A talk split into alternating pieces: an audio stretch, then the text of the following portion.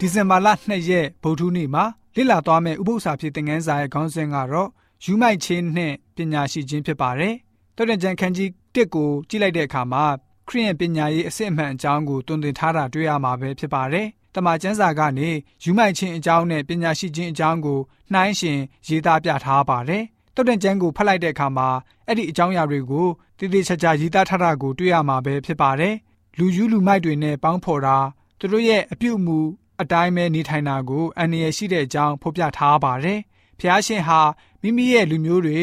ဉာဏ်ပညာရှာဖွေတာကိုနှစ်သက်တော်မူပါတယ်။အဲ့ဒီပညာကိုရှာဖွေတူထားဖို့ဉာဏ်ပညာကိုအမိပြုနေထိုင်ဖို့တွင်တင်တော်မူပါတယ်။လက်မှုပညာနဲ့သိပ္ပံအတက်ကိုရှာဖွေတဲ့ကျောင်းသူကျောင်းသားတွေဟာဉာဏ်ပညာထက်မြက်ဖို့နဲ့သင်ယူမှုမှာတစ်ဖက်ကန်းခက်ဖြစ်ဖို့ကြိုးစားကြပါတယ်။ဆရာဆရာမတွေဟာလည်းပဲအဲ့ဒီစီးမြင်ကိုကျင့်သုံးကင်တွယ်ကြပါတယ်။လက်မှုအတက် ကျွမ်းကျင်ခြင်းနဲ့သိပ္ပံပညာတစ်ဖက်ကန်းခက်ဖြစ်စေဖို့အုံနောက်ဉာဏ်ကိုအရေးသွေးရှိစေဖို့လိုပါတယ်။ခရိယန်ရဲ့ရှုထောင့်ကတော့ဝိဇ္ဇာသိပ္ပံအတက်ဆိုတာကအမှန်နဲ့အမှားအကောင်းနဲ့အဆိုးဓမ္မနဲ့အဓမ္မကိုပိုင်းခြားသိဖို့လိုအပ်တယ်ဆိုတဲ့အချက်ပဲဖြစ်ပါတယ်။ကမ္ဘာပေါ်မှာရှင်းရှင်းတောက်ကြောကြားခဲ့ဘူးတဲ့ပုံကူများစွာရှိပါတယ်။သို့တော့သူတို့တွေဟာစရိတအရာမှာမုံမြတ်ခြင်းမရှိပါဘူး။တစုံတစ်ယောက်ကပြောကောင်းပြောပါလိမ့်မယ် သိပ္ပံပညာရှင်ကြီးတွေဟာရုပ်ဝတ္ထုကြီးကြီးမားမားတွေနဲ့များစွာသောတီထွင်မှုတွေကိုသူတို့လှုပ်ဆောင်ကြတယ်ဆိုပြီးတော့ပြောပါလိမ့်မယ်။ဒါပေမဲ့သူတို့တီထွင်လိုက်တဲ့ဓာတုလက်နက်ကြီးတွေဟာ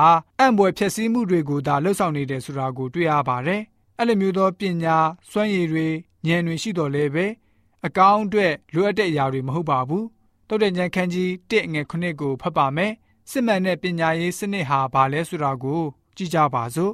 ထထဖျားကိုကြောက်ရွံ့သောသဘောသည်ပညာဤအချုပ်အခြာဖြစ်၏လူမိုက်တို့သည်ပညာနှင့်ဥပဒေတကိုမထီမဲ့မြင်ပြုတတ်ကြ၏ဆိုပြီးတော့ဖော်ပြထားပါတယ်စကြဝဠာကြီးရဲ့အကြောင်းကိုလေ့လာနေတဲ့ဖျားမယုံနဲ့ငြိမ်းချမ်းရေးဆုရှင်တို့ရေးသားတဲ့အချက်တစ်ခုမှာတော့စကြဝဠာကိုအတိုင်းတာအဆုံးမရှိဘူးလို့မြင်ရလေအစကောက်လို့လည်းမရတော့ပါဆိုပြီးတော့ ရေးသားခဲ့တာတွေ့ရပါတယ်။အဲ့လိုမျိုးသောပညာမျိုးဟာအတိဘယ်မဲ့တာမကဘူးပို့ပြီးတော့ဆိုတာကတော့မှားယွင်းခြင်းလမ်းကိုသာပို့ဆောင်နေတယ်ဆိုတာကိုတွေ့ရပါတယ်။ဒီတကြောင်ကျွန်တော်တို့ယဉ်ကျေးသူများအနေနဲ့ယူမိုက်ခြင်းနဲ့ပညာရှိခြင်းကိုကိုယ်ကိုယ်ပြပြနားလည်သဘောပေါက်စေဖို့အတွက်ဗုဒ္ဓနေ့ဥပုသ္စာပြေသင်ခန်းစာကဖော်ပြထားပါတယ်။